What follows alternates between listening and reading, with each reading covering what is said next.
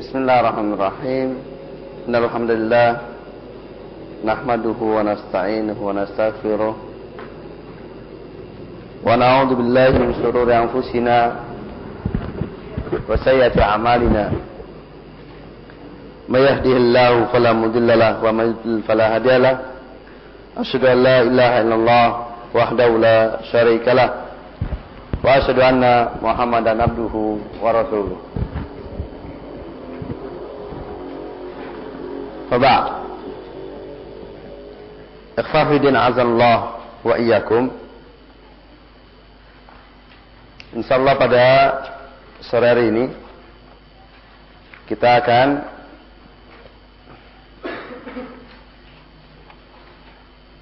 membahas tentang nawakidul Islam kelanjutan dari pasal yang ada dalam kitab Al-Wajibat sebagaimana sudah saya sampaikan bahwasanya kitab Al-Wajibat inilah kitab yang berisi nukilan dari apa yang disampaikan oleh saya Muhammad bin Lahab rahimahullah dan cucu-cucunya maka termasuk juga tentang nawakidul Islam ini ini adalah kalam dari saya Muhammad bin Abdul Wahab rahimahullah. Ada risalah khusus risalah beliau yang berjudul Nawakidul Islam.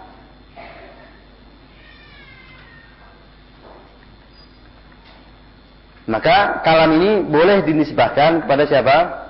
Kepada Syekh Muhammad bin Abdul Wahab rahimahullah. Beliau menyampaikan nawakidul Islam, maksudnya nawakidul Islam itu pembatal-pembatal bagi Islam, artinya bagi keislaman seseorang.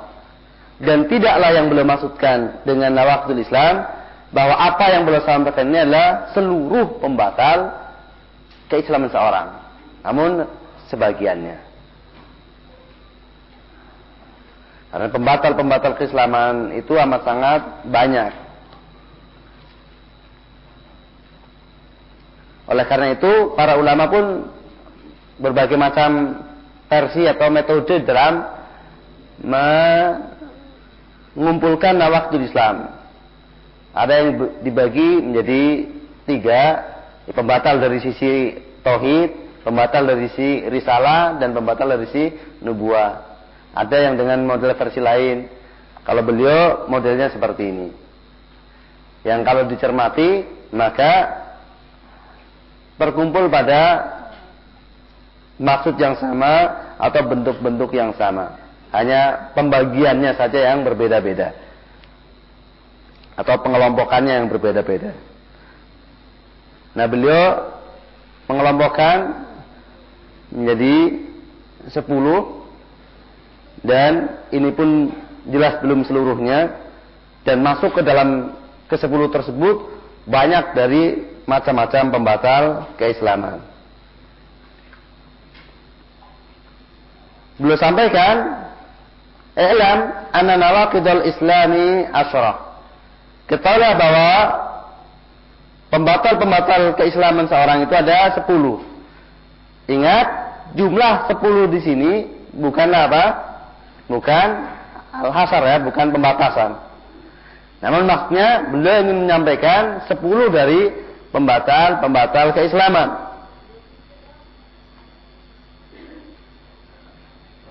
Yang mana apabila seseorang melakukan salah satu dari sepuluh yang beliau sampaikan, maka secara otomatis dia menjadi batal Islamnya dan statusnya menjadi orang kafir.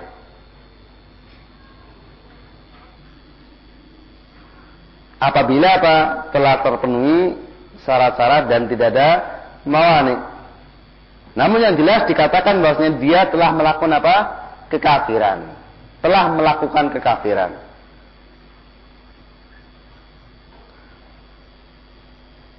Dan apabila udur dia di sisi Allah Taala tidak diterima, maka berarti dia menahlin nar, kekal di dalamnya. Walaupun tak kalah di dunia bisa jadi dia tidak merasa sebagai orang kafir. Dan dia merasa menjadi orang mukmin. Bahkan orang mukmin yang paling baik. Apakah bisa terjadi? Bisa. Bukankah Allah Ta'ala berfirman dalam surat Al-Kahfi 103, Qul hal nunabbiukum bil aksarina a'mala alladzina dhalla sa'yuhum fil hayatid dunya wa hum yahsabuna annahum yuhsinuna sunnah. Katakan, maukah kalian aku beritahukan, kami beritahukan pada kalian yang orang yang paling rugi amalnya. Siapa mereka? Alladzina dhalla sa'yum fil hayatid dunya. Itu yang mereka salah usahanya di dalam kehidupan dunia wa yahsabuna annahum yuhsinuna sunnah. Dalam keadaan mereka beranggapan bahwa mereka lah set, uh, orang yang paling berbuat baik. Orang yang yuhsinuna sunnah. Yang baik perbuatannya. Jadi bisa jadi orang itu tidak sadar bahwa dirinya adalah calon penghuni neraka kekal dalamnya tatkala di dunia. Dan dia baru sadar tatkala sudah berhadapan dengan Allah SWT di akhirat. Bukankah juga kita mendengar firman Allah SWT wa qalu la tamassana naru illa ayyaman ma'duda. Mereka orang-orang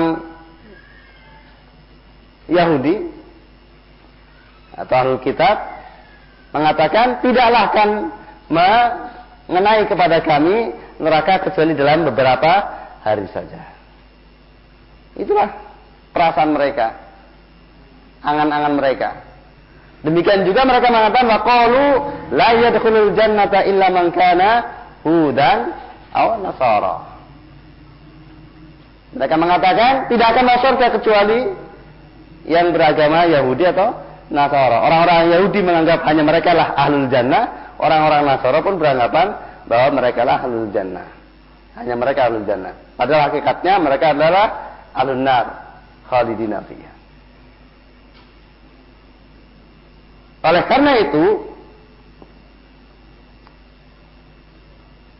bukanlah seorang mukmin itu orang yang merasa yakin bahwa dirinya mukmin.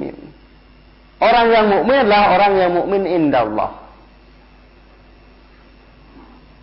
Walaupun dirinya takut sebagai orang munafik.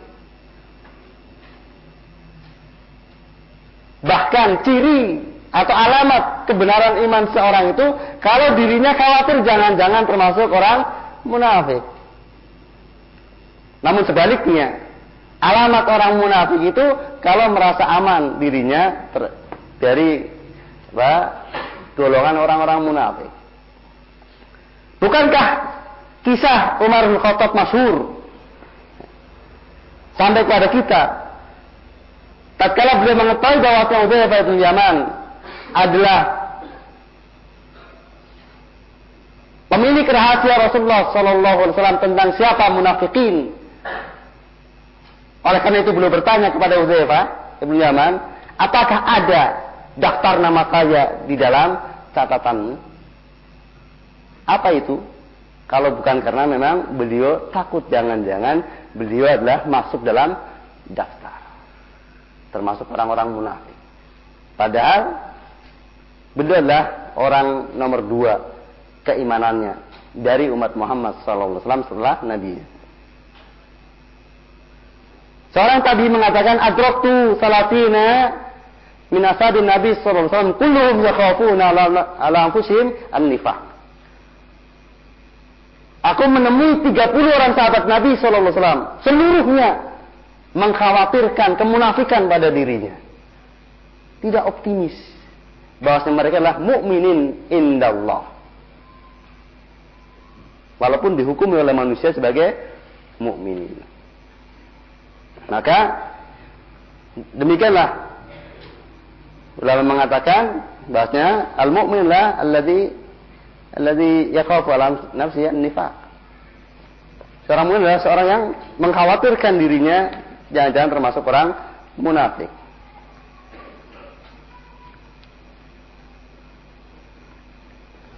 Wal munafik dia manu ala nafsin nifaq. Ada pun orang munafik, orang yang merasa aman, merasa tentram, bahasanya dirinya bukan orang munafik. Dengan kita melihat bagaimana atau mendengar bagaimana ketakutan para sahabat Nabi SAW terhadap dirinya, padahal mereka adalah orang yang paling bersemangat dalam beramal, dan paling bersemangat untuk kemudian melaksanakan kebaikan, menunaikan kewajiban dari Allah dan Rasulnya, dan menjauhi sejauh-jauhnya larangan Allah dan Rasulnya, itu pun sangat masih sangat mengkhawatirkan kepada dirinya, dan tidak ada sahabat yang lainnya yang mengingkari, maka bisa dianggap ini seperti ijma sukuti. Bisa jadi demikian seluruh para sahabat.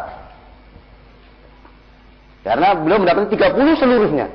Bisa jadi kalau belum mendapati lebih dari itu dan kemudian ditanya, ya akan semuanya akan jawab iya. Karena tidak ada yang mengingkari ya, sahabat yang lainnya terhadap terhadap ya, sikap sah sahabat yang ada tentang mengkhawatirkan dirinya sebagai munafik. Oleh karena itu, maka mazhab ahlu sunnah wal jamaah tidaklah menjazmkan kepada seorang yang mati dia menjadi ahli nar atau menjadi ahli jannah kecuali yang dipersaksikan oleh Allah dan Rasulnya secara takyin kita hanya bisa berharap bahwasanya dia min ahli jannah apabila dohirnya tatkala hidup dia adalah seorang muslim. Dan kita mengkhawatirkan dia min ahli nar. Kalau tatkala di dunia dia adalah jelas-jelas dari kalangan orang kufar. Tapi untuk takyin orang per orangnya, maka bukan merupakan madhab ahlu sunnah wal jamaah. Untuk seorang itu minahlil nar atau minahlil jannah. Kecuali yang sudah ditakyin oleh Allah dan Rasulnya. Sallallahu alaihi wasallam. Oleh karena itu maka tidak boleh kita menjasimkan kepada seorang dengan gelaran almarhum yang dirahmati. Kalau yang dimaksudkan maknanya bukan bukan jadi almarhum itu dalam bahasa Indonesia adalah orang yang sudah mati. Dalam bahasa Indonesia-nya apa? Orang yang sudah mati. Itu identik dengan orang yang sudah mati artinya almarhum. Bukan arti dalam bahasa Arabnya ya. Kalau arti dalam bahasa Arabnya maka tidak boleh. Kalau yang katakanlah dia mengatakan almarhum yang dia maksudnya adalah apa? Yang dirahmati Allah maka tidak tidak boleh. Karena ya, di situ dah takyin. Sudah almarhum yang dirahmati. Padahal kita tidak tidak tahu apakah dia termasuk orang yang dirahmati atau atau bukan. Tapi kalau itu bahasa Indonesia bukan bahasa Arab yang identik dengan yang sudah mati, maka ya silahkan saja. Sehingga kadang orang kafir pun almarhum. Ya. Ya karena itu maksudnya, ya, yang sudah mati. Si fulan yang sudah meninggal, bahasa Indonesia-nya al, ya, almarhum.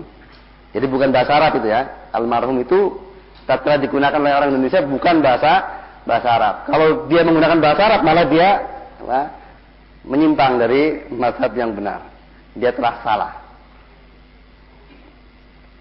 Maka sebaiknya kita tidak menggunakannya. Mungkin mendiang itu malah. Iya toh? Bahasa Indonesia juga toh? Iya. Mendiang fulan. Orang paham juga. Dan sudah mati orangnya. Maka sekali lagi ini yang lebih menjadi perhatian kita adalah untuk introspeksi diri, untuk jaga diri, untuk waspada dari memasuki dunia pembatal keislaman ini. Dan juga mengingatkan orang lain. Mengajarkan kepada orang lain jangan memasuki dunia ini. Karena dunia ini adalah dunia yang sangat gelap di akhirat nanti. Belum sampaikan yang pertama, asyirku fi ibadatillah taala. Yang pertama adalah syirik dalam beribadah kepada Allah taala. Yang dimaksudkan di sini ya karena syirik dalam beribadah kepada Allah taala maka syirik akbar.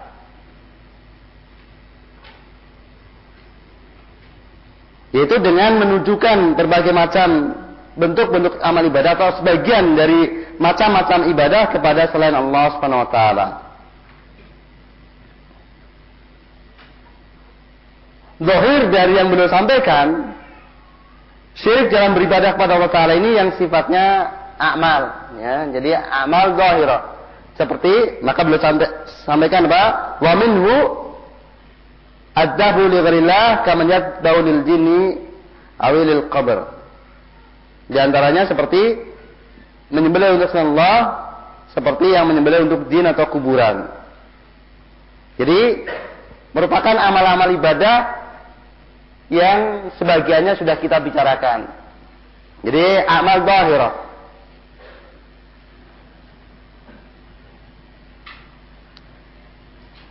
Karena yang namanya nawakitul Islam yang dimaksud di sini yang itu, yang zahira. Yang tatkala dia melakukan seperti itu, maka dikatakan dia telah melakukan kekafiran dan kemudian kalau hukumah ada, kalau tegaknya hukumah, maka dia dipanggil untuk kemudian diminta untuk bertobat. Kalau tidak ya disembelih. Karena telah dianggap murtad. Jadi amal yang zahir. Adapun yang batin, maka ya, dia masuk dari nawakidul iman ya.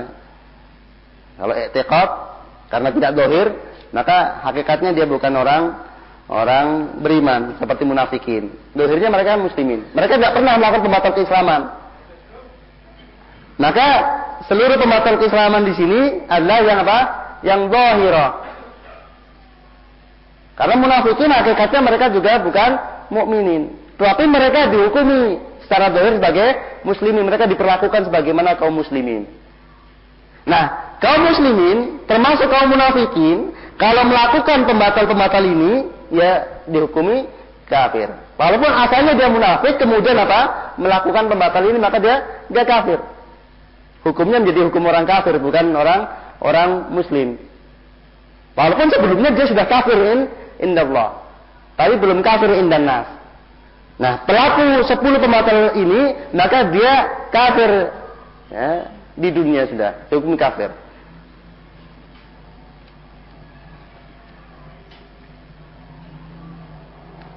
Dan juga kafir Allah apabila ternyata tidak ada udur baginya.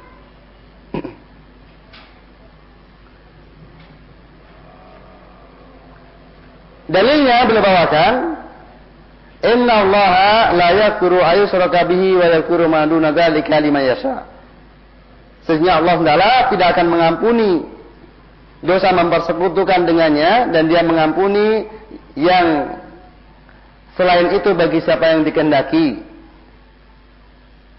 atau yang lebih rendah dari itu bagi siapa yang dia kehendaki. Mengapa saya katakan demikian?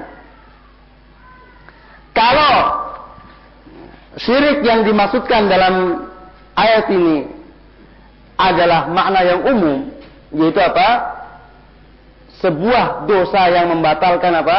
Keislaman. Maka boleh diartikan yang selain itu. Dan Allah mengampuni yang selain itu. Jadi seluruh dosa yang tidak sampai kekafiran. Jadi syirik muradif dengan apa? Dengan kafir.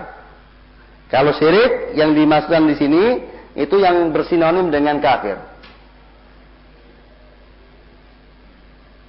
Karena kemarin sudah saya sampaikan bahwasanya kadang apa, dosa kekafiran juga dikatakan dosa kesyirikan. Kalau kemudian syirik ini dalam masalah uluhiyah, maka dan Allah mengampuni yang lebih rendah dari itu. Mengapa? Karena di sana ada dosa yang selain dosa syirik dalam masalah ibadah, tetapi apa? Derajatnya sama dengan syirik, derajat hukumnya. Maka dia dikatakan Allah mengampuni yang lebih rendah dari itu.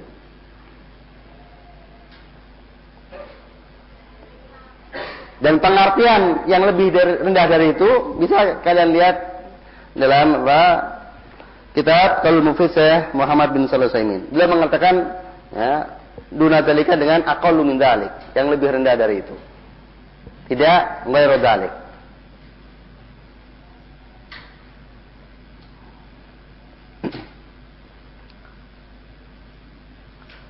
Dan juga yang dimaksudkan syirik yang tidak diampuni untuk selama-lamanya yaitu syirik akbar.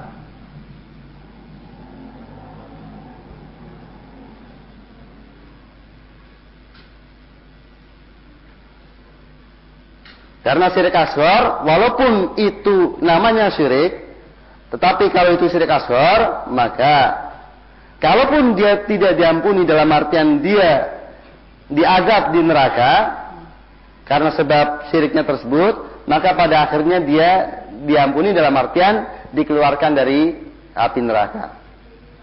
Maka dikeluarkannya dia dari api neraka itu pun bentuk pengampunan.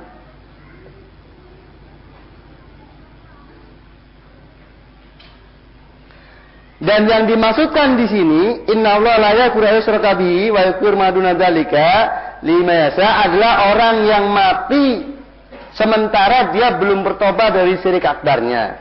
Bukan orang yang berbuat syirik kemudian tidak diampuni. Tidak. Jadi orang yang dia mati sementara belum bertobat dari syiriknya.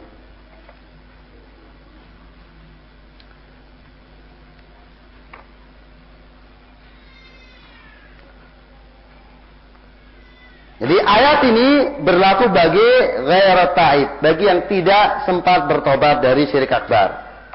Adapun bagi yang sempat bertobat dari syirik akbar, ayat baginya adalah firman Allah Taala, "Ya ibadilladzina asrafu ala anfusihim la taqnatu min rahmatillah, innallaha yaghfirud dzunuba jami'a."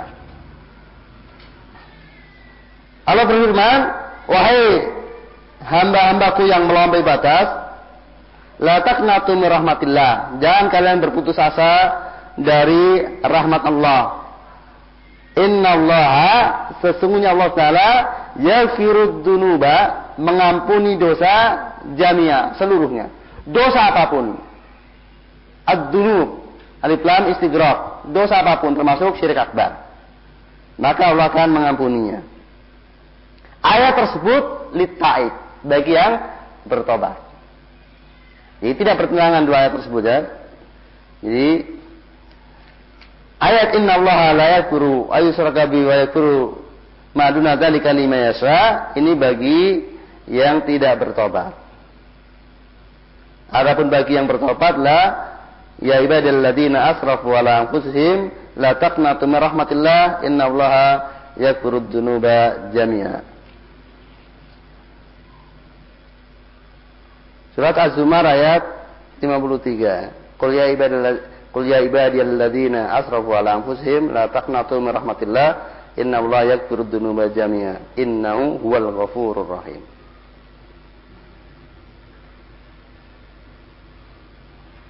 Jadi Az-Zumar ayat 53 ini littaib bagi yang bertobat termasuk dosa syirik, dosa kekafiran. Termasuk kalau orang melakukan apa? seluruh pembatal keislaman ini, dia orang muslim kemudian melakukan seluruh pembatal keislaman, kalau dia bertobat maka dia pun diampuni. Permasalahannya kalau dia tidak bertobat. Demikian juga beliau bawakan firman Allah, "Innahu mayusrik billah faqad haramallahu 'alal jannah wa ma'wahu an-nar wa ma lidzalimina min ansar."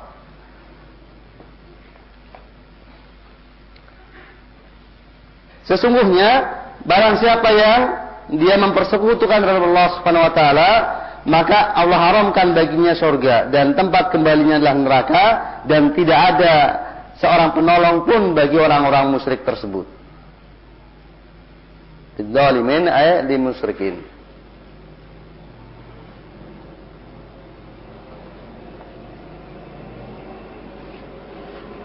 Syahidnya pada faqad haramallahu alil jannah. Sungguh Allah telah mengharamkan baginya surga.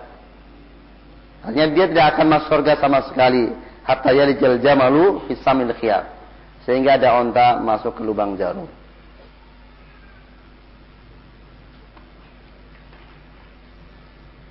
Di untuk selamanya dia tidak akan pernah masuk surga. Ini bagi pelaku syirik akbar. Dan macam-macam syirik akbar dalam ibadah sudah kita bicarakan ya, sebagiannya dalam penjelasan al-usul salasa kemarin. Asani yang kedua. Manjala bainahu wa bain Allah wa sa'id. Yad'uhum wa yas'aluhum as-safata wa yatawakkalu alaihim. Kafara ijma'an. Yang kedua, balang siapa yang dia menjadikan antara dirinya dengan Allah SWT perantara.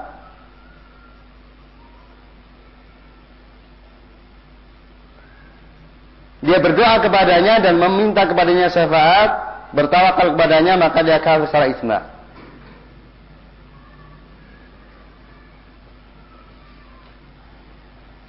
Apa perbedaan dengan pertama? Zahirnya bahwa yang kedua ini berkaitan dengan doa masalah. Jadi kalau yang pertama tadi berkaitan dengan doa ibadah, yang kedua berkaitan dengan doa masalah. Beliau katakan kafir secara ijma. Kalau sudah dikatakan ijma, maka jelas berdasarkan dalil dari Al-Quran maupun As-Sunnah. Secara istiqra, secara tatabu, atau kadang dari sebagian ayat atau sebagian hadis. Dan ijma itu lebih kuat dibandingkan sekedar ayat atau hadis. Sebab kalau sudah ijma, maka sudah sama persepsinya. Kalau baru berdalil ayat, mungkin masih apa? Bisa saja kamu salah pemahaman. Tapi kalau sudah ijma, berarti sudah sama semua pemahamannya. Sehingga secara kedudukan dalil ijma itu lebih kuat dari ayat atau dari hadis. Karena tidaklah ada ijma kecuali ada ayat atau ada hadisnya dan lebih dari itu. Jadi ada ayatnya dan sama persepsinya dari seluruh ulama mustahidin tentang maksud ayat tersebut. Sehingga tidak boleh ada orang menyelisih dalil ijma. Dan perbuatan seperti ini yaitu apa? Menjadikan antara dirinya dengan Allah Subhanahu wa taala perantara, berdoa kepada mereka dan meminta salat kepada mereka, itulah apa? Ain dari perbuatan musyrikin dahulu. Jadi perbuatan musyrikin Quraisy tidak lain dan bukanlah bentuknya seperti itu.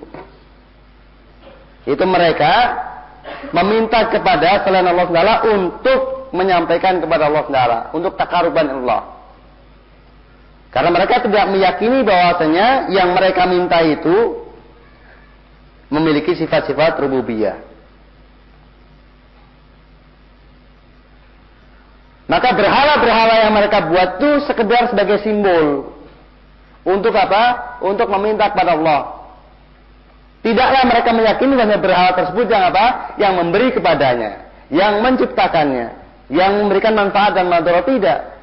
Manfaat dan madarat sisi Allah Taala. Tapi hanya sebagai simbol saja untuk meminta kepada Allah Taala.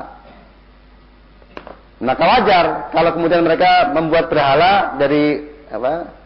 ya, tepung atau dari apa, kemudian begitu lapar dimakan. Nanti gampang buat lagi.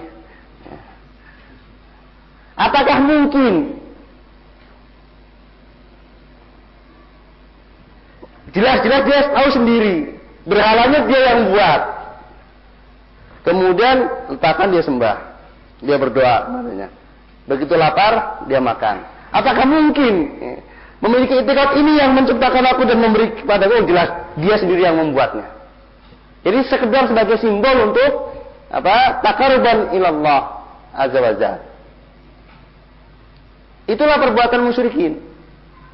Jadi salah besar kalau musyrikin itu adalah yang memiliki keyakinan berhala itulah yang memberi.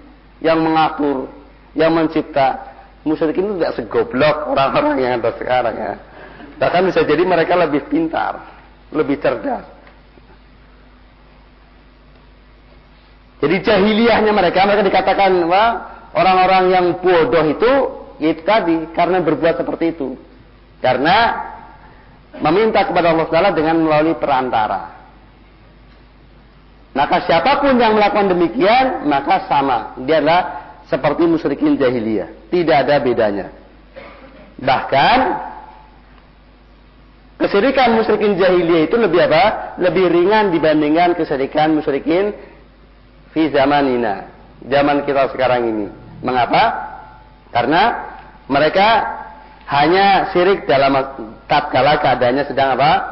Sedang lapang, sedang bergembira, sedang tidak ada problem. Itu baru mereka syirik. Kalau ada problem, ada masalah, mereka tidak berbuat syirik, mereka bertauhid. Dan juga yang menjadi tujuan ibadah mereka, yang menjadi perantara minimal yang tidak pernah bermaksiat seperti patung, batu dan sejenisnya pohon. Dan kebanyakanlah simbol dari orang-orang soleh tatkala hidupnya. Adapun musyrikin sekarang sebagaimana mari saya sampaikan harta bajingan pun juga dimintai. Jadi lebih lebih sehat mereka cara berpikirnya.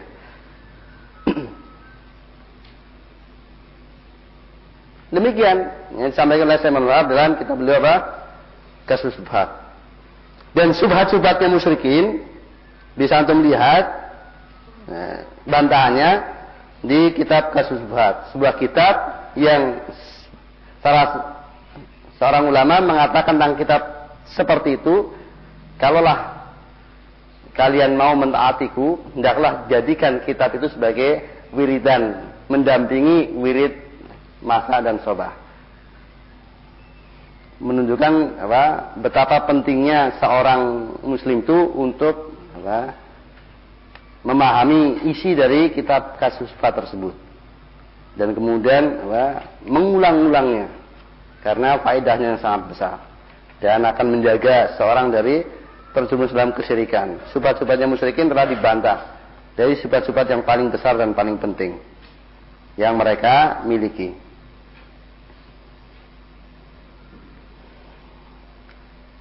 Bukti yang menunjukkan bahwasanya perbuatan musyrikin jahiliyah adalah apa? Adalah semata-mata menjadikan perantara antara mereka dengan Allah Taala. Di antaranya firman Allah dalam surat Zumar ayat 3 kalau kata tentang mereka mana budum illa liqarribuna ila. Tidaklah kami mengabdi kepada mereka kecuali semata-mata supaya mereka mendekatkan diri kami kepada Allah Taala dengan sedekat-dekatnya. Demikian juga dalam surat Yunus ayat 18, haulai yaku wa yaquluna haulai sufahauna inallah. Mereka mengatakan mereka-mereka itu sesembahan-sembahan itu adalah pemberi syafaat kami di sisi Allah Subhanahu wa taala. Jadi sama saja apakah mereka berdoanya kepada patung, batu atau kuburan atau jin atau malaikat atau nabi dengan berdoa ya nabi Allah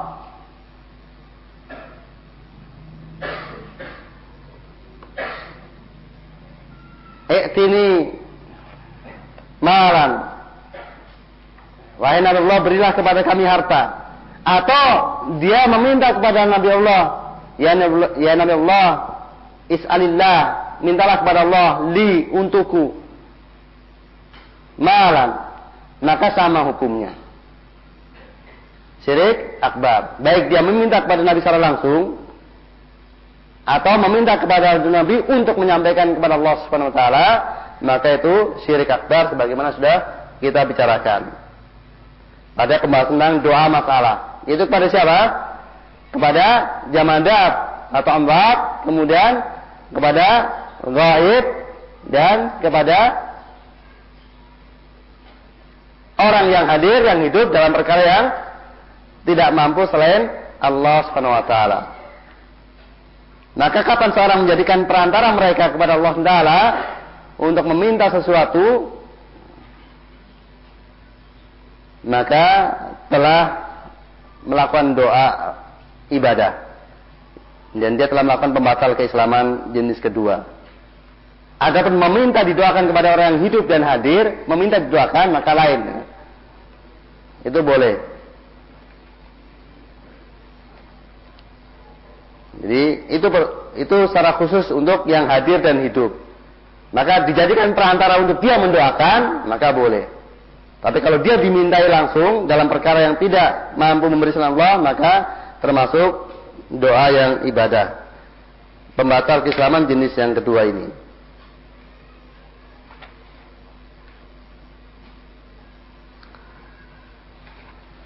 Yang ketiga, asalif malam yukafir al musyrikina aw syakka fi kufrihim aw soha madhabahum kafar. Barang siapa yang tidak mengkafirkan kaum musyrikin atau ragu tentang kekafiran mereka atau membenarkan madhab mereka maka dia telah kafir.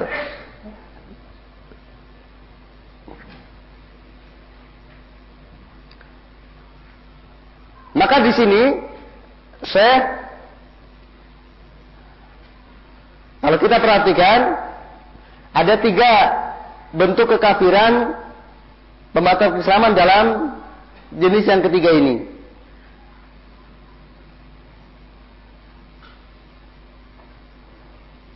Yang pertama malam kafir al musyrikin yang tidak mengkafirkan orang musyrik. Artinya terang-terangan dia mengatakan orang musyrik itu tidak kafir.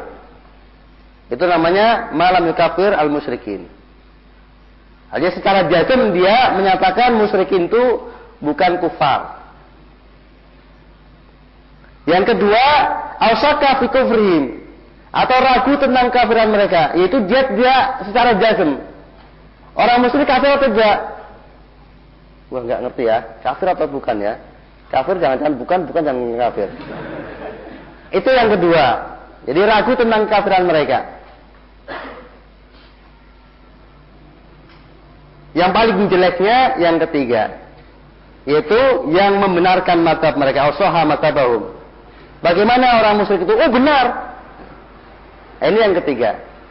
Yang paling jelek dari seluruh yang jelek tiga ini.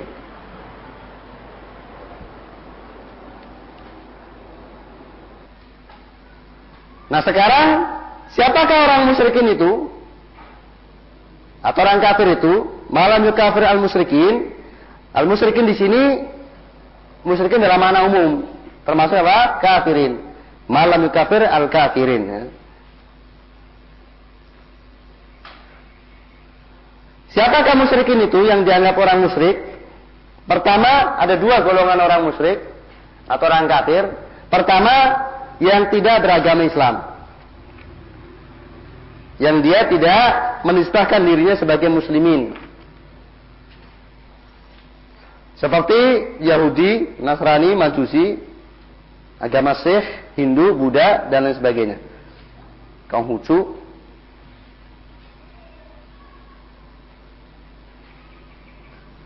Jadi yang bukan ahlul kitab. Eh, ya, yang bukan ahlul kitab. Yang bukan ahlul kiblat. Salah ngomong lagi. Yang bukan ahlul kiblat ya. Yang dia tidak menisbahkan diri sebagai kaum muslimin ahlul kiblat. Itu orang-orang kafir. Maka biasakan mengatakan jangan biasakan mengatakan non muslim ya. Orang kafir itu. Jadi biar masyarakat ya bisa jadi gara-gara kalian apa, terbiasa ngomong apa kalau yang tidak beragama Islam non muslim jadi nggak terbiasa masyarakat mendengar mereka itu kafir. Jadinya rusak akidah masyarakat. Mereka apa itu non muslim, kafir bukan? Ya pokoknya non muslim. Ini bahaya. Jadi ini masalah akidah. Jadi siapa mereka orang kafir? Jangan non muslim. Soalnya kita terlalu biasa menghaluskan bahasa itu apa? Sampai masalah kita pun diperhalus bahasanya. Orang kafir dibilang non muslim. Ini ya, terbiasa menghalus bahasa. Semua permasalahan diperhalus. Riba bunga. Nanti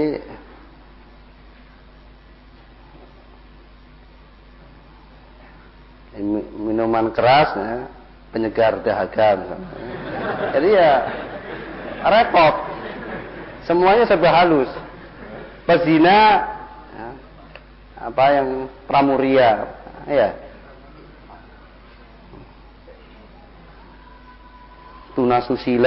ya, halus sekali pezina itu kan jadi karena cuma tuna susila ya jadi nggak kapok-kapok jadi jangan dibiasakan menghaluskan bahasa sesuatu yang ya, bisa dengan itu justru mengkaburkan apa, makna hakikatnya.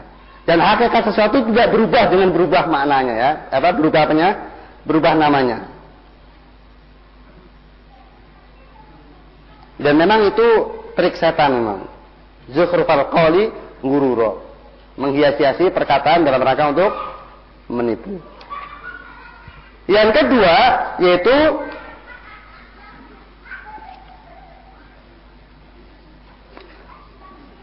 Orang yang mengaku Islam dari ahli kiblat namun telah ada padanya perkara yang mengkafirkan dirinya yang mana ulama telah sepakat bahwasanya perkara tersebut adalah perkara kekafiran.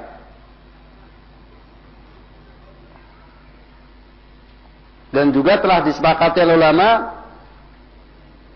bahwa siapa yang ada padanya seperti itu maka dia telah kafir. Atau orang yang seperti dia telah kafir. Seperti itu yang sudah disepakat tentang kafirnya mereka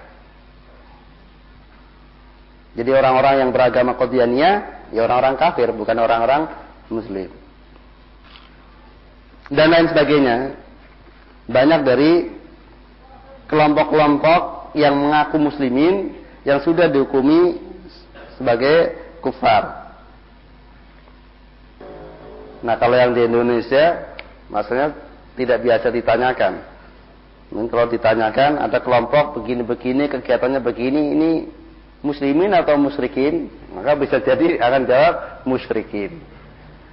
Ini kebanyakan memang yang ditanyakan kepada para ulama adalah yang aktif ya orang-orang punya perhatian. Seperti ya, yang mungkin kita tidak mengenalnya. Ada beberapa kelompok ya, yang menisbahkan dirinya kepada Islam tapi hakikatnya dia kufar.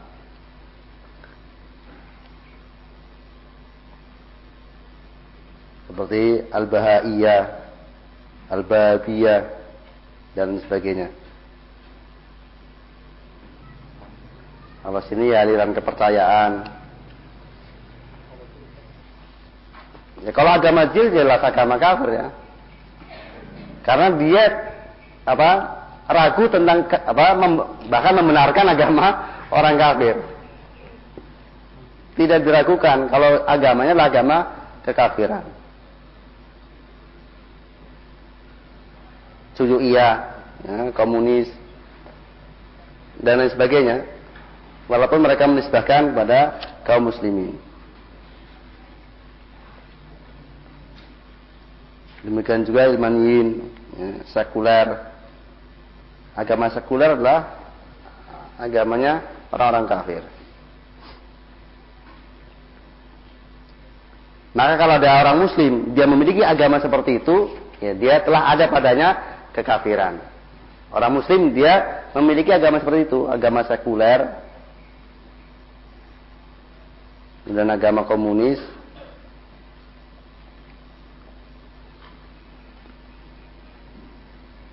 Termasuk dalamnya Jahmiyah. Juga Rafidah Syiah Rafidah Batiniyah mereka semuanya jadail Islam tapi hakikatnya mereka kufar bahkan terkadang mereka itu lebih kafir dibandingkan musyrikin.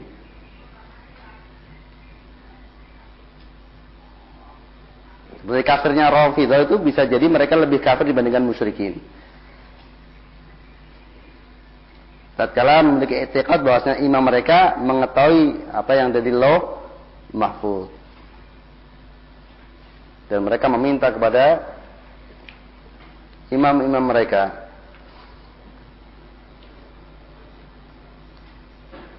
Ini cara alirannya. Jadi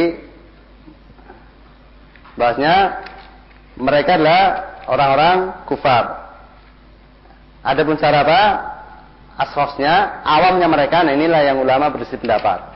Bagaimana awam dari orang yang muslimin yang beragamanya agama seperti itu.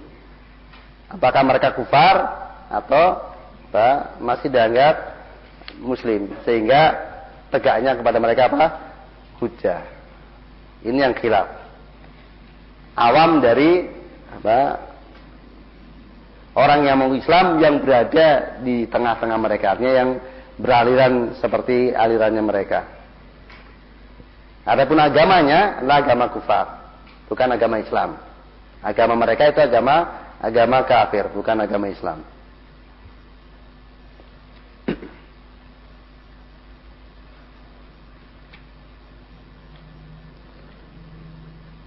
Oleh karena itu, tadi yang tidak mengkafirkan mereka atau ragu tentang kekafiran mereka.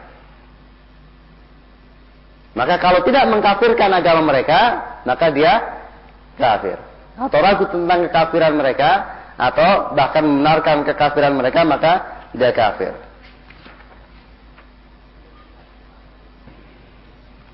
Jadi ada dua kelompok yang harus kita kafirkan. Siapa itu? Musyrik asli dan apa orang yang yang murtad, musyrik yang murtad.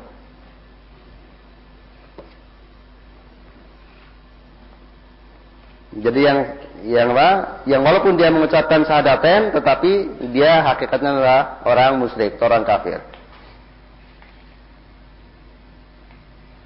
Maka mana di antara dua kelompok itu yang kita ketahui secara meyakinkan maka dia adalah orang musyrik, orang kafir dan harus kita kafirkan, tidak ragu-ragu lagi. Yang keempat, Man i'taqada anna ghaira hadi Nabi sallallahu alaihi wasallam akmal min hadihi. Wa anna hukma ghairi ahsanu min hukmihi. Kalladhi yufadilu hukmat tawaghit ala hukmihi fahuwa kafir.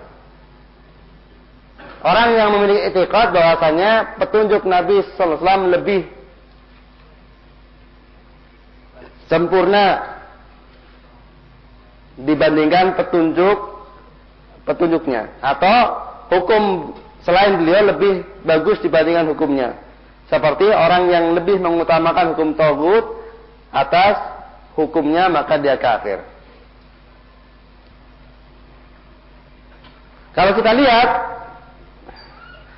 maka karena beliau katakan manik takoda barang siapa yang memiliki keyakinan tatkala dia tidak mendohirkan maka belum di ketahui. Tapi tatkala dia menyampaikan, saya berpendapat bahwa, nah, maka tatkala itu dia sudah sudah kafir secara zahir.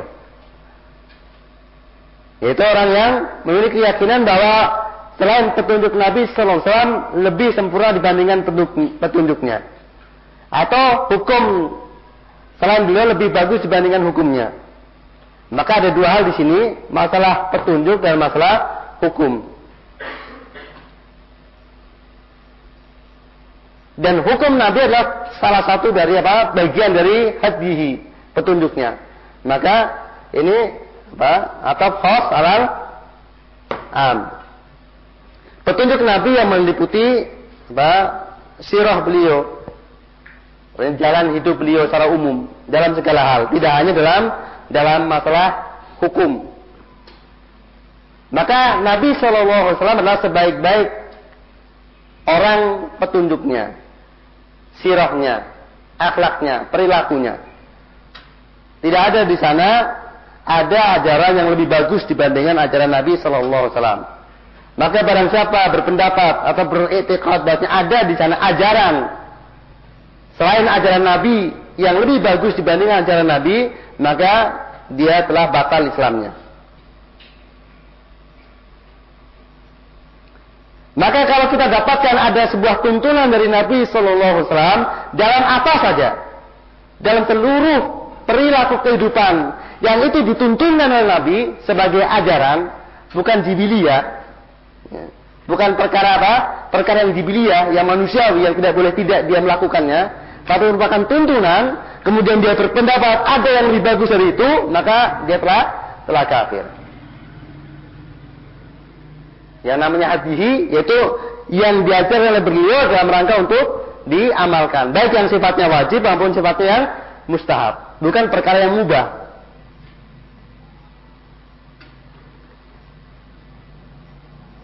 Tapi tuntunan beliau yang beliau contohkan dalam rangka untuk ditiru. Adapun yang sifatnya jibiliyah jadi yang apa? Yang merupakan jibiliyah baik secara apa? Secara khalq penciptaan maupun secara apa? adat keseharian yang tidak dalam rangka untuk di apa? ditiru maka tidak termasuk.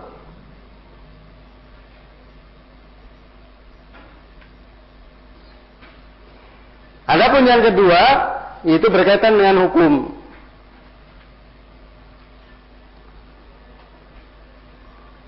Di sini belum menyampaikan atau yang menganggap bahasnya hukum selain beliau itu lebih bagus dibandingkan hukumnya. Contohnya seperti yang mengutamakan hukum togut di atas hukumnya, maka dia kafir. Nah, kapan seorang berhukum dengan selain hukum Rasulullah Sallallahu Alaihi Wasallam, dia telah kafir? Yang pertama, yang menganggap lebih baik.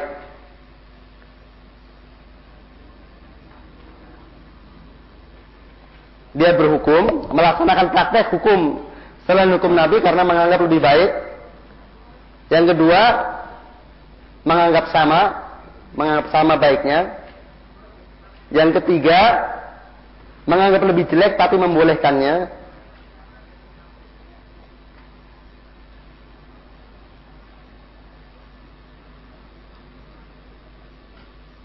Yang keempat, karena merendahkannya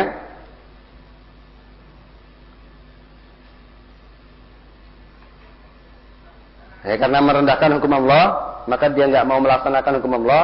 Dia memilih hukum selain Allah karena merendahkan hukum Allah. Atau karena menolak yang kelima menolak kepantasan hukum Allah sebagai hukum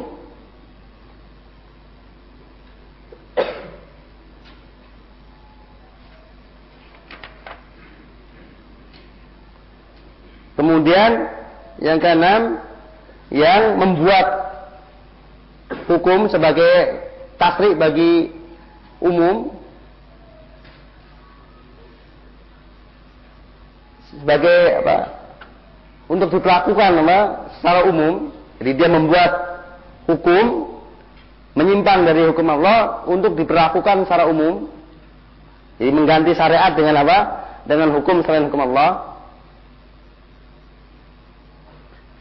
Untuk diperlakukan bagi umat manusia ini.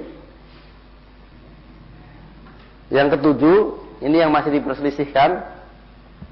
Yang menjadi kebiasaannya adatnya kalau dia menghukum yaitu dengan menghukum selain hukum Allah.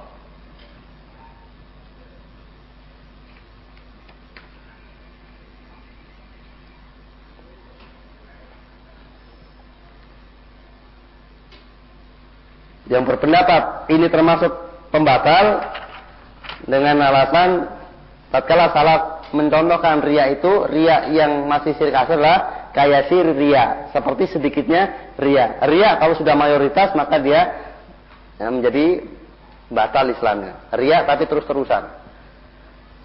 Domina, lebih mendominasi ria dibanding ikhlasnya, maka dia bukan mukmin lagi. Demikian juga ya, yang menghukum dengan selain hukum Allah kalau terus-terusan atau menjadi adat kebiasaannya demikian. Dedanuhu. yang menjadi kebiasaannya menghukum selain hukum Allah Taala.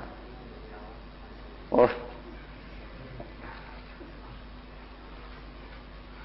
Yang pertama tadi yang menganggap lebih baik, yang kedua menganggap sama, Yang ketiga menganggap lebih jelek tapi membolehkan. Yang keempat karena menganggap rendah, artinya merendahkannya, istighfafan.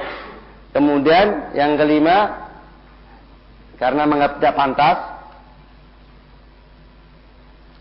nggak pas, ini nggak pas terhadap hukum Allah. Kemudian yang ke enam yang apa? Merubah syariat mengganti dengan apa? Dengan kawanin, artinya apa? Membuat kawanin, membuat hukum selain hukum sebagai ganti hukum syariat. Yang ketujuh yang men, yang menjadi adatnya. Menjadikan berhukum selain hukum Allah itu menjadi adatnya. Ini yang masih dipersilakan lah yang ketujuh ini. Artinya kalau kemudian dia dipersilahkan untuk menghukum, apakah hukum syariat atau hukum apa? Hukum keluar dari hukum syariat, lebih seringnya dia apa? Berhukum dengan hukum yang keluar dari syariat yang melanggar hukum syariat. Begitu. Setiap ada kasus dia hukumi dengan hukum apa? Hukum selain hukum Allah. Padahal dia apa? Punya pilihan untuk apa? Menghukum dengan hukum Allah. Tapi dia memilih hukum keluar dari hukum Allah. Terus begitu. Ini menjadi adatnya begitu. Ya sesekali dia hukum Allah. Kalau pas menguntungkan bisa jadi mungkin. Tapi lebih sering dia dengan hukum selain hukum Allah Subhanahu wa taala. Jadi kalau yang dimaksud di sini lah yang menyimpang, yang menyelisi hukum Islam. Yang menyelisi hukum Islam. Yang dimaukan dengan hukum selain hukum Allah adalah hukum yang menyimpang dari hukum Allah. Adapun yang sama dengan hukum Allah ya namanya hukum Allah. Atau yang tidak menyimpang, maka itu diperbolehkan. Yang tidak menyimpang dari hukum Allah.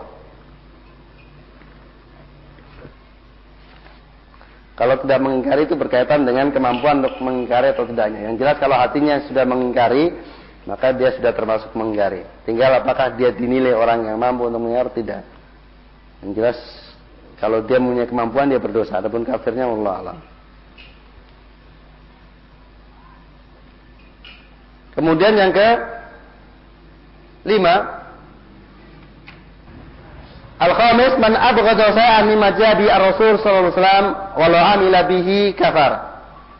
Yang kelima barang siapa membenci sebagian dari apa yang dibawa oleh Rasulullah sallallahu alaihi wasallam maka dia kafir walaupun mengamalkannya.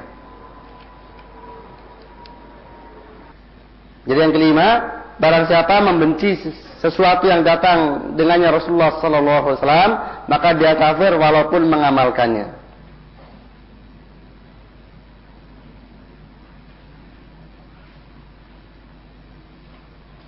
Yang membenci di sini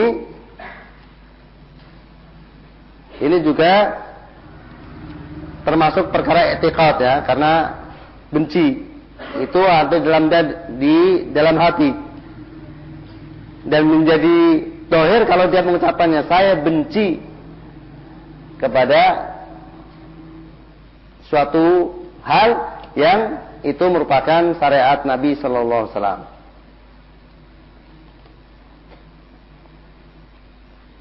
Dan yang dimaksud di sinilah benci kepada tasriknya, benci kepada ajaran, bukan benci kepada pelakunya.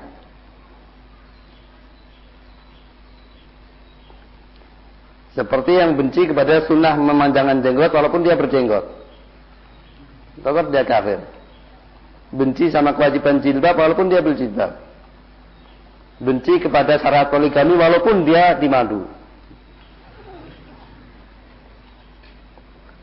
Dan ingat bahwasanya tidak berarti orang yang melakukan kemaksiatan yang meninggalkan amal itu otomatis berarti dia membencinya. Tidak ya. Jadi tidak lazim bahwasanya orang yang meninggalkan amalan, meninggalkan syariat, berarti dia telah membenci syariat tersebut. Tidak. Tidak lazim. Itu tidaklah orang yang mencukur jenggotnya, maka dikatakan dia telah benci sama syariat jenggot. Tidak. Demikian juga orang yang melepas jilbabnya, dia berarti dia benci kepada syariat jilbab.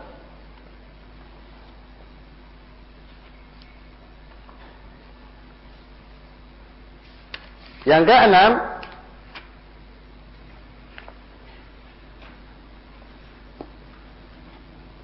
Man istaja bi min dini Rasul sallallahu alaihi wasallam aw sarabi aw kafar.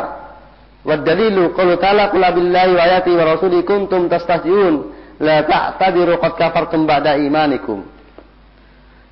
Barang siapa mengolok-olok sesuatu dari agama Rasul sallallahu alaihi wasallam atau pahalanya atau siksanya maka dia telah kafir. Dalilnya firman Allah Ta'ala katakan apakah terhadap Allah ayat-ayatnya dan Rasulnya kalian mengolok-olok tidak ada maaf bagi kalian. Sungguh kalian telah kafir setelah keimanan kalian. Jelas qad kafartum ba'da imanikum. Kamu telah menjadi kafir setelah sebelumnya kamu beriman jadi yang keenam di sini mengejek sesuatu yang dari Rasulullah Sallallahu Alaihi Wasallam dari Allah Taala. Ayat-ayatnya atau apa saja yang itu diajarkan oleh Rasulullah termasuk berita-beritanya. Barang siapa yang melakukan begini akan mendapatkan pahala begini atau barang siapa yang melakukan begini maka dia akan mendapat sisa begini. Kemudian dia mengejeknya melecehkannya maka dia kafir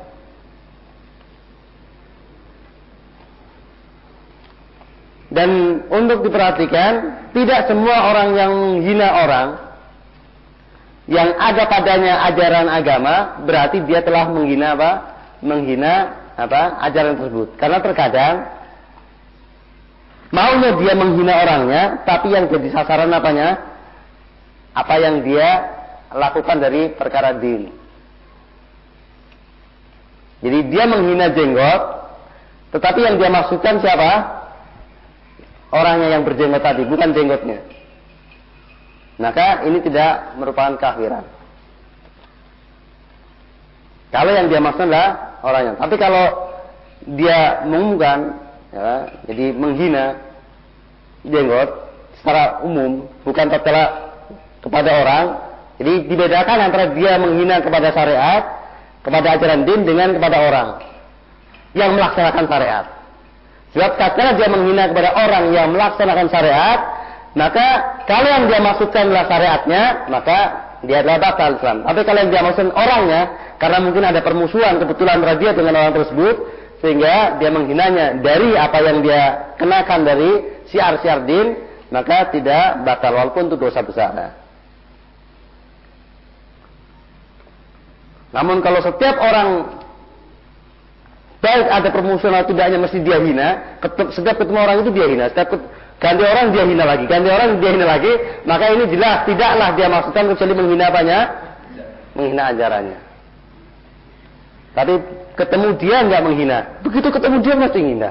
Ketemu yang lainnya tidak, cuma dia saja. Oh berarti ada antara dia dengan orang tersebut permusuhan. Maka dia tidak kafir, tapi dosa besar.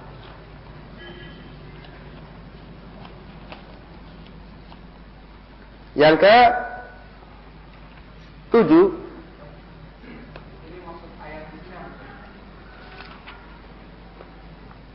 Jadi ayat ini asal usulnya ada seorang yang dia tadinya mukminin kemudian menghina Rasulullah dan para sahabatnya. Tatkala kemudian ya, ditanyakan kepada mereka, mereka menjawab, "Inna makuna nakhudhu wa nal'ab." Sebenarnya kami hanya bersenda guru saja dan bermain-main. Maka Allah turun ayat ini, "Qul billahi wa ayati wa rasuli kuntum tastahzi'un."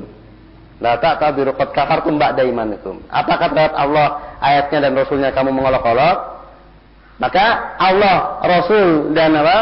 Dan ayat-ayatnya tidak boleh dijadikan bahan olok-olokan. Maka barang siapa mengolok-olok Allah, Rasulnya dan ayat-ayatnya, maka dia telah kafir.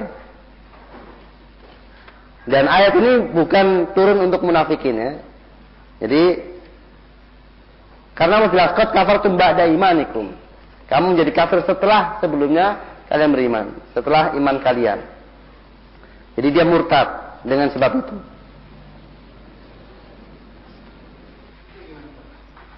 Ini itu masih butuh bahas tentang jadi karena tujuannya itu guyon, eh, tujuannya dia membuat orang tertawa.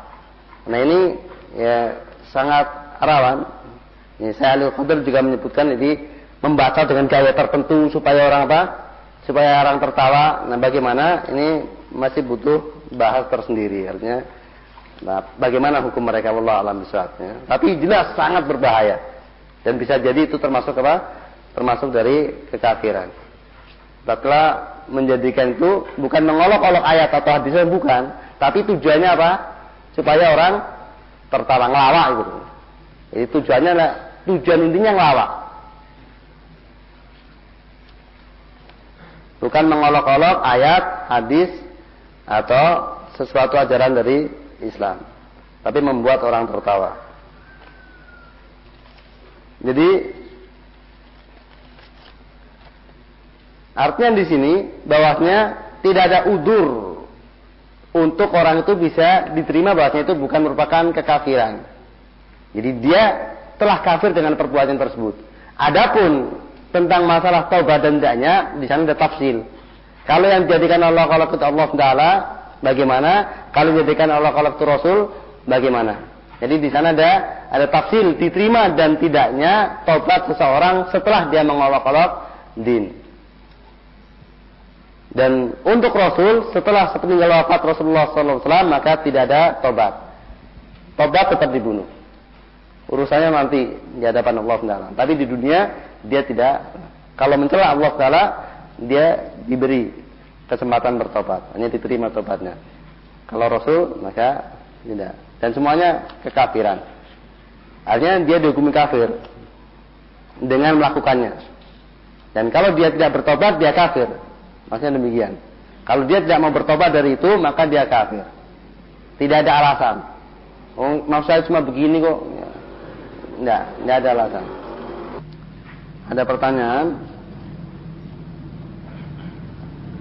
berkaitan dengan masalah hukum tadi bagaimana dengan pemerintahan Indonesia bukankah mereka juga berhukum dengan selain hukum Allah ya hukum yang ada hukum togut ya bila syak tidak diragukan sama sekali adapun orangnya maka kembali kepada terpenuhi dan tidaknya apa syarat-syarat tentang pengkafiran mereka dia harus terpenuhi syarat dan tidak ada mawani untuk dikafirkannya apa orang-orang tersebut.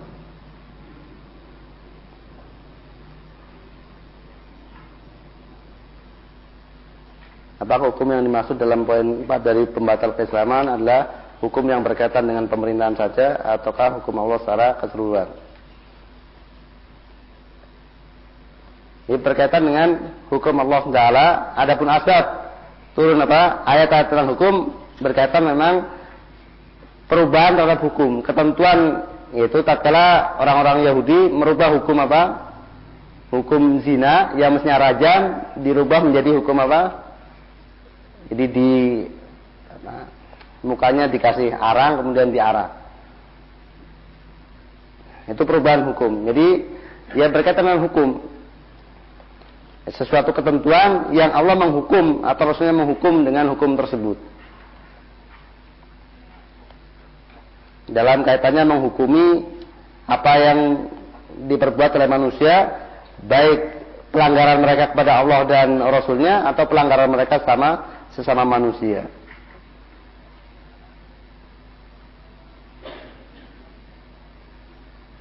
Jadi hukum muamalah maupun hukum ketatanegaraan yang sudah ditentukan oleh syariat.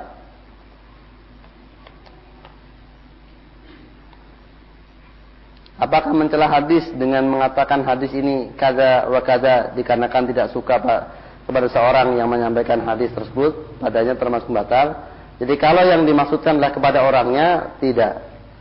Tetapi termasuk dosa dan bisa termasuk dosa besar. Karena dia menjadikan apa?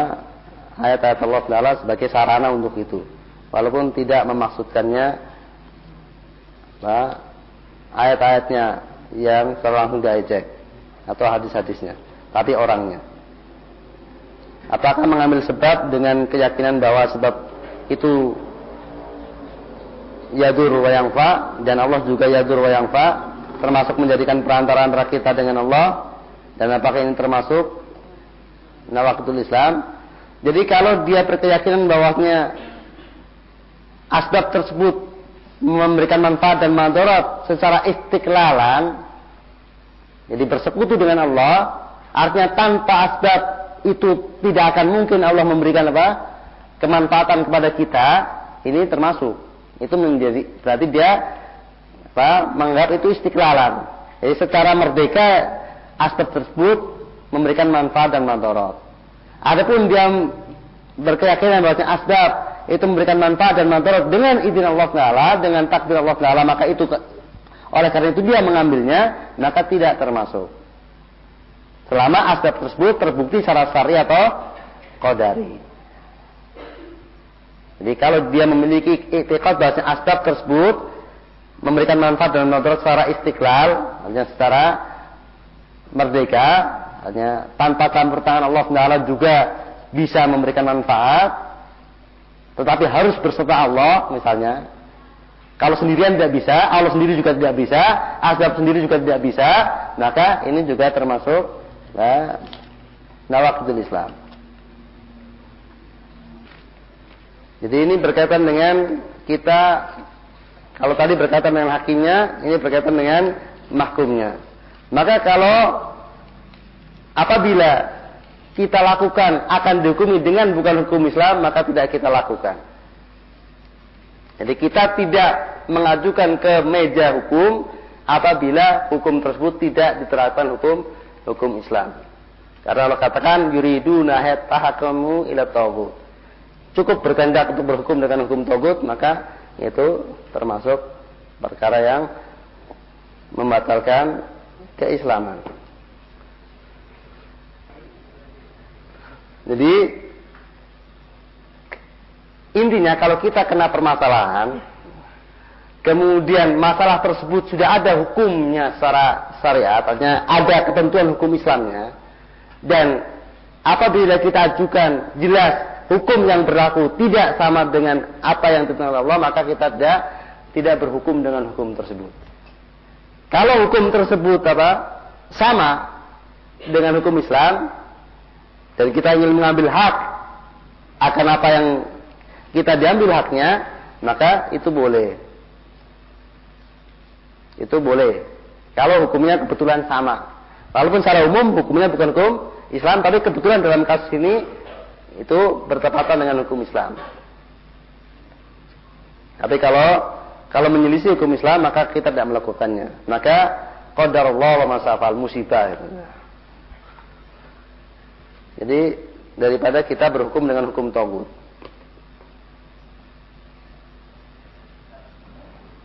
Tentang hukum meninggalkan sholat sebagaimana tadi saya sampaikan, khilaf di kalangan para ulama.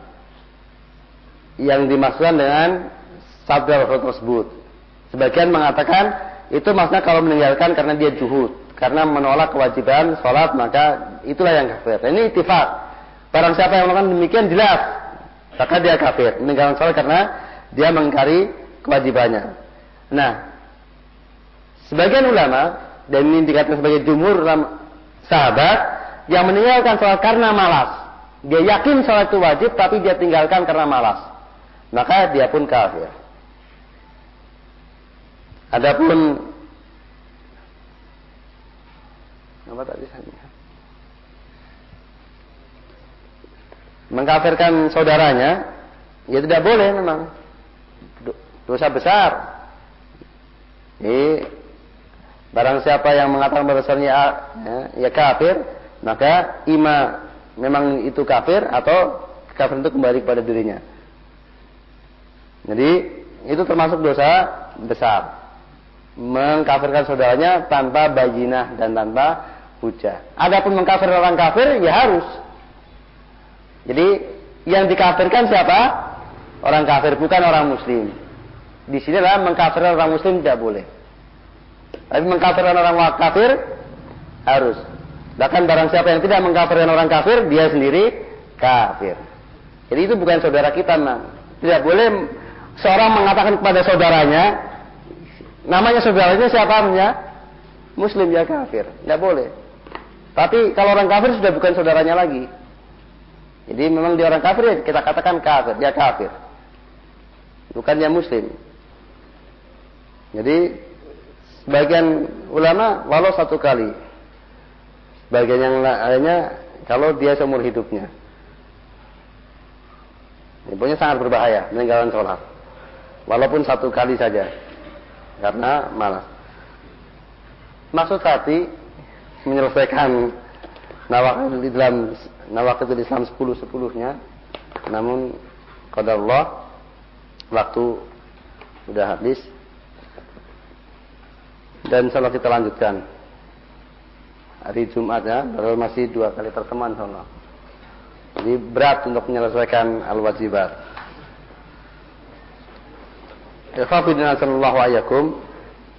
Sekali lagi kita belajar nama waktu Islam untuk menghindarkan diri darinya. Dan bukan untuk kemudian mencari siapa di antara teman kita yang telah kafir